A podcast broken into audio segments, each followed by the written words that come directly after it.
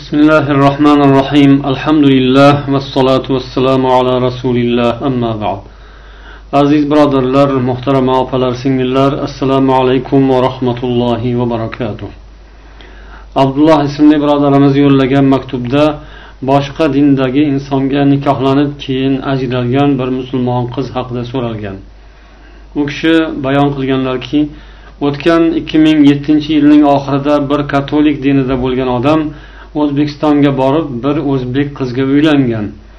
Nikoh o'qitilayotgan paytda u iymon keltirdim deb shahodat kalimasini aytgan. Kelin ham bu odam islomni qabul qildi deb o'ylab unga turmushga chiqishga rozi bo'lgan. Domla ularni nikohlab qo'ygan ular zagsdan ham o'tishgan. Keyin u inson qizni o'z yurtiga olib ketgan.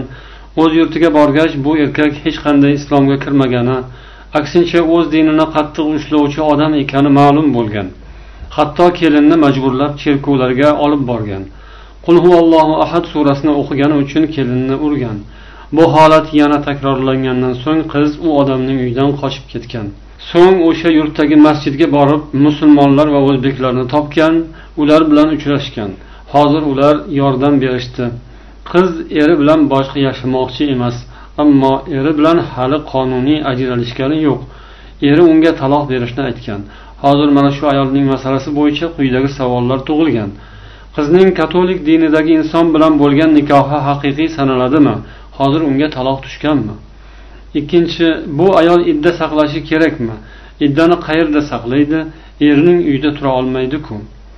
Uchinchisi ayol boshqaga musulmonga turmushga chiqishni xohlaydi.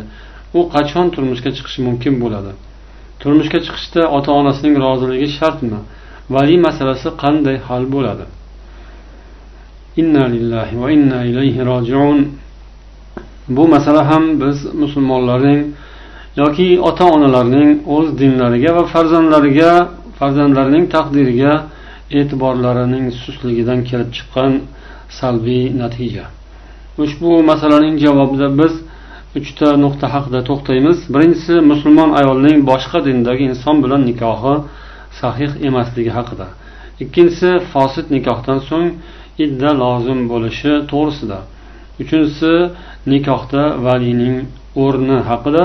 To'rtinchisi mana shu savolda so'ralgan qizga ko'rsatiladigan yordam va u qizga taalluqli bo'lgan aynan mana shu qizga taalluqli bo'lgan masala.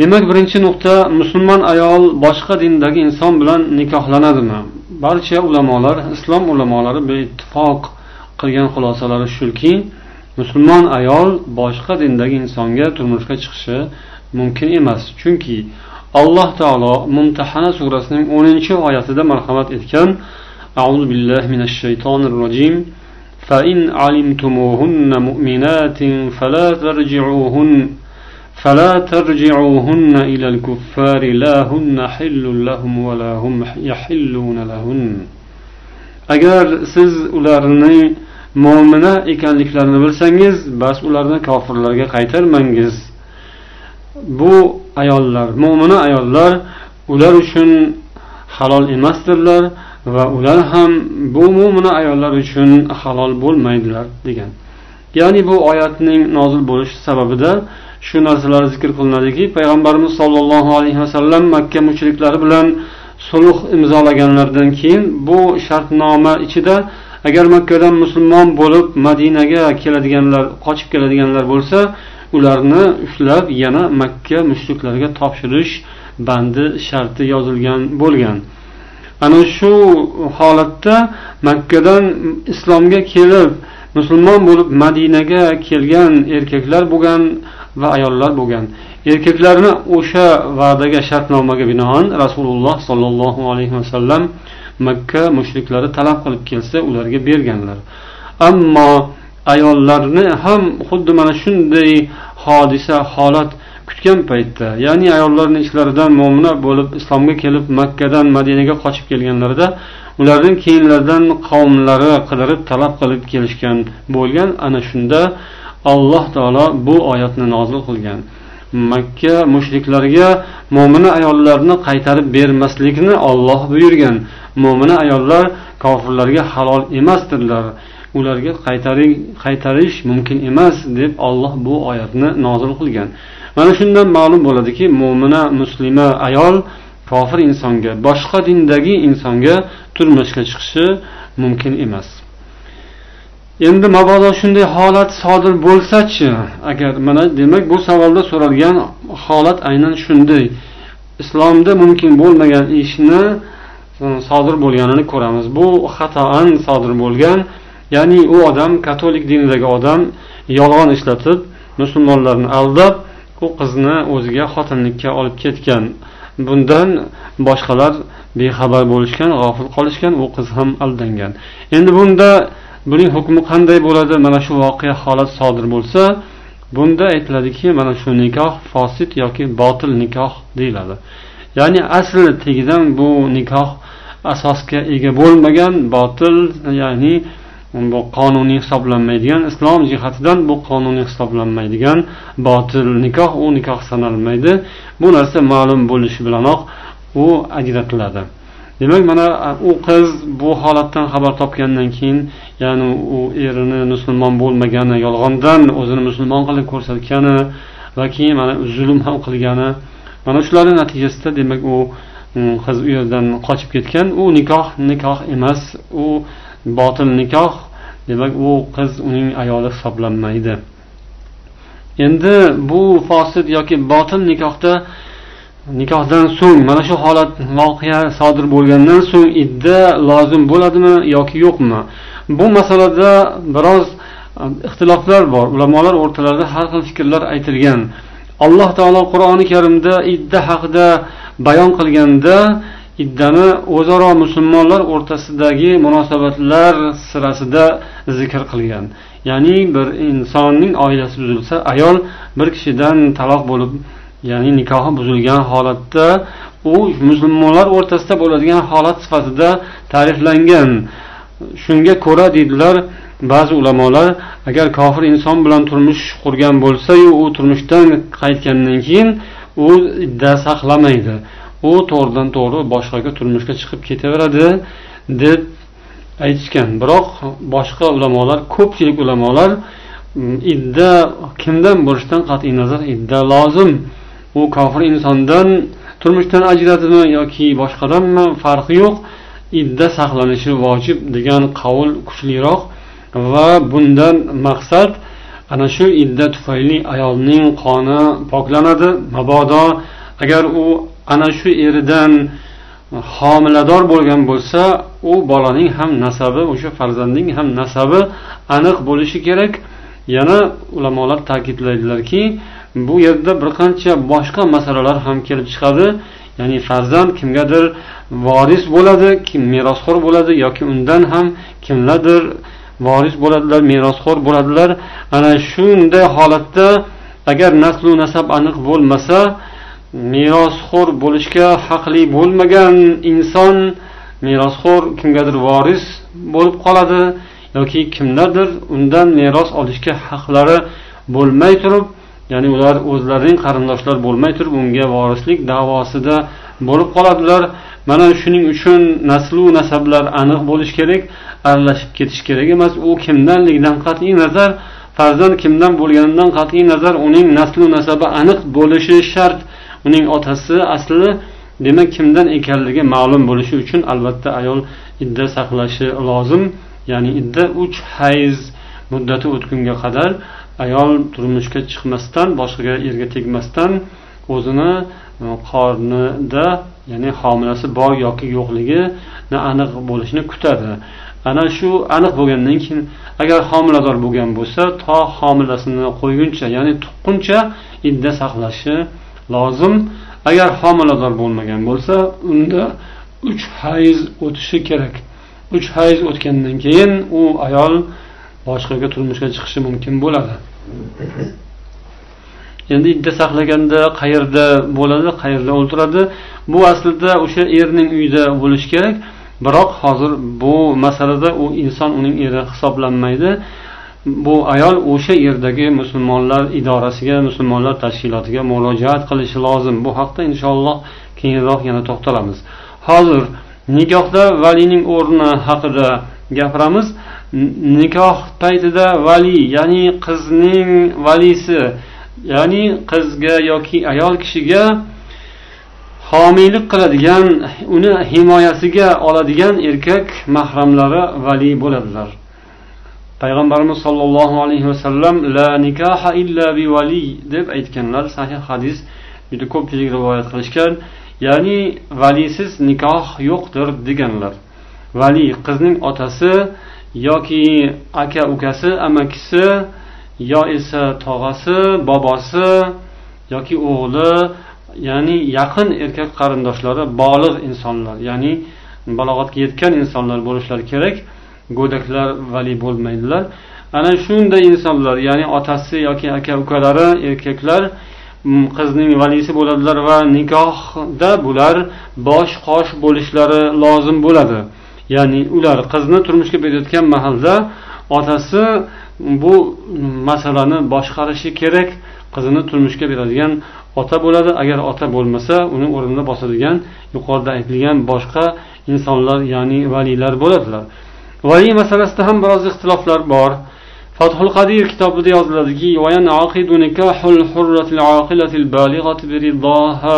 وإن لم يعقد عليها ولي بكرا كانت أو ثبيا ayol kishi ozod oqila balog'atga yetgan ayolning nikohi o'zining roziligi bilan amalga oshadi agar unga valisi bosh qosh bo'lmagan bo'lsa ham degan fikr imom abu hanifa tomonidan aytilgan chunki qiz bola balog'atga yetgandan keyin o'zi mustaqil insonga aylanadi va o'zi bir insonga turmushga chiqishi joiz ya'ni nikoh haqiqiy nikoh sanaladi agar mabodo shunday ish sodir bo'lsa deb aytganlar. Biroq boshqa ulamolar bu kishining sohiblari shogirdlari imom abu yusuf va imom muhammaddan esa boshqa fikrlar bu so'zga xilof fikrlar aytilgan va boshqa ulamolar ham boshqa mazhab ulamolari ham nikoh paytida albatta vali bo'lishini shart qilganlar.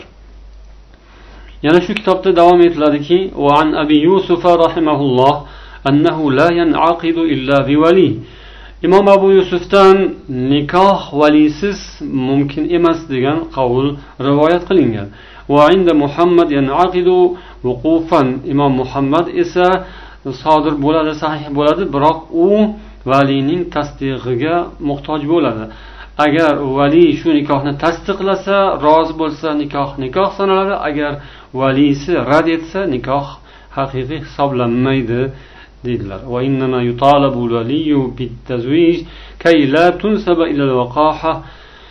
Bu vali bo'lishi shart qilinishining sababi shuki deydilar muallif mana shu nikoh tufayli bir xunuk holatlar ya'ni mm, inson xohlamaydigan ayol kishiga zarar bo'ladigan natijalarga borib qolinmasligi uchun.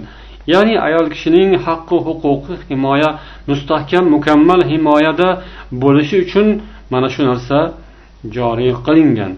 Chunki agar insonning o'z holi ayol kishining o'zini o'ziga tashlab qo'yiladigan bo'lsa unda ayniqsa hali u yosh bo'ladigan yosh qiz bo'ladigan bo'lsa o'zining foyda ziyonini o'zi yaxshi anglab yetolmasligi aniq.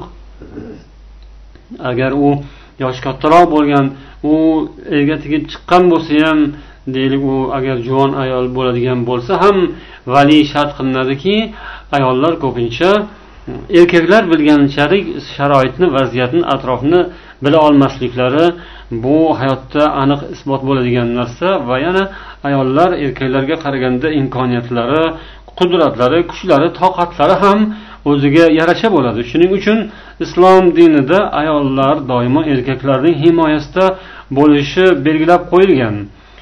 Agar endi qiz bolani ota onasi bo'lmasa yoki borku ammo islomni tushunmasa qizni musulmon qizni istagilari bilan hisoblashmasa uning huquqlariga zid ish olib borsa bunda valiylik vazifasi o'z o'zidan aka ukasiga yoki boshqa mahramlarga o'tadi. Agar unday odamlar topilmasa yoki ular ham qizning huquqlarini poymol qiladigan odamlar bo'lib chiqsalar valiylik hukumat zimmasiga o'tadi.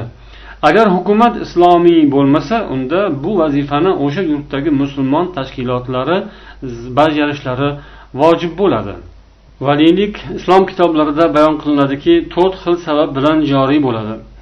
fathul qadirning iboralariga ko'ra وتثبت الولاية بأسباب أربعة بالقرابة والملك والولاء والإمامة وليلك to'rt sabab bilan joriy bo'ladi qarobat ya'ni qarindoshlik tufayli milk egalik tufayli vala ozod qilish tufayli val imama rahbarlik tufayli qarobat bu qarindoshlik ya'ni yuqorida aytdik qizning otasi aka ukalari o'g'illari bobosi yaqin erkak bog'liq qarindoshlari mm, tufaylidan valiylik sobit bo'ladi. Bu ko'pchilik biladigani va keng tarqalgani hamma uchun oson tushunarli bo'lgani mana shu.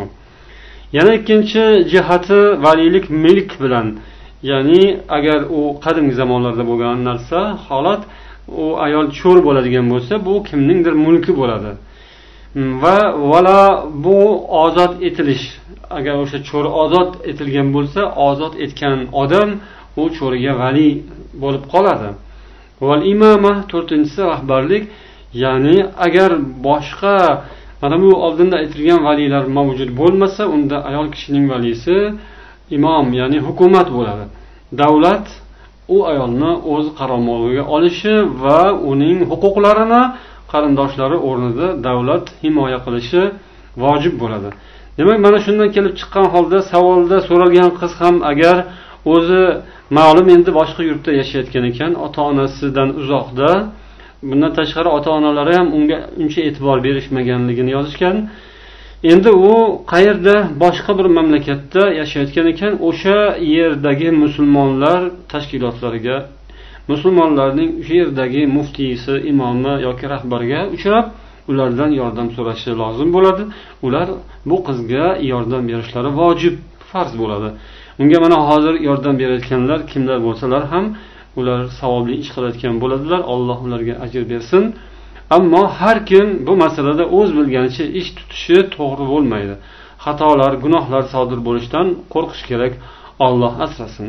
O'sha yerdagi musulmonlar musulmonlarning idoralariga murojaat qilgan holda maslahatlashgan holda bu qizga yordam berishlari kerak. Uning iddasi chiqquncha ham turadigan biror bir boshpanani ana shu yuqorida nomlari zikr qilingan jihatlar idoralar hal qiladilar deb umid qilamiz. Va o'sha yerdagi musulmonlar albatta bu masalada xolis yordam berishlari lozim. Keyin bu qiz o'sha qonun ya'ni ana bu aldamchilik yo'li bilan unga o'ylanib olgan insondan o'sha yerning qonuni bilan ajralishi uchun o'sha yerda sudga murojaat qilib bo'lgan voqealarni aytib rasman ajralishni talab qilishi o'rinli bo'ladi. Vallohu alam. Vassalomu alaykum va rahmatullohi va barakatuh.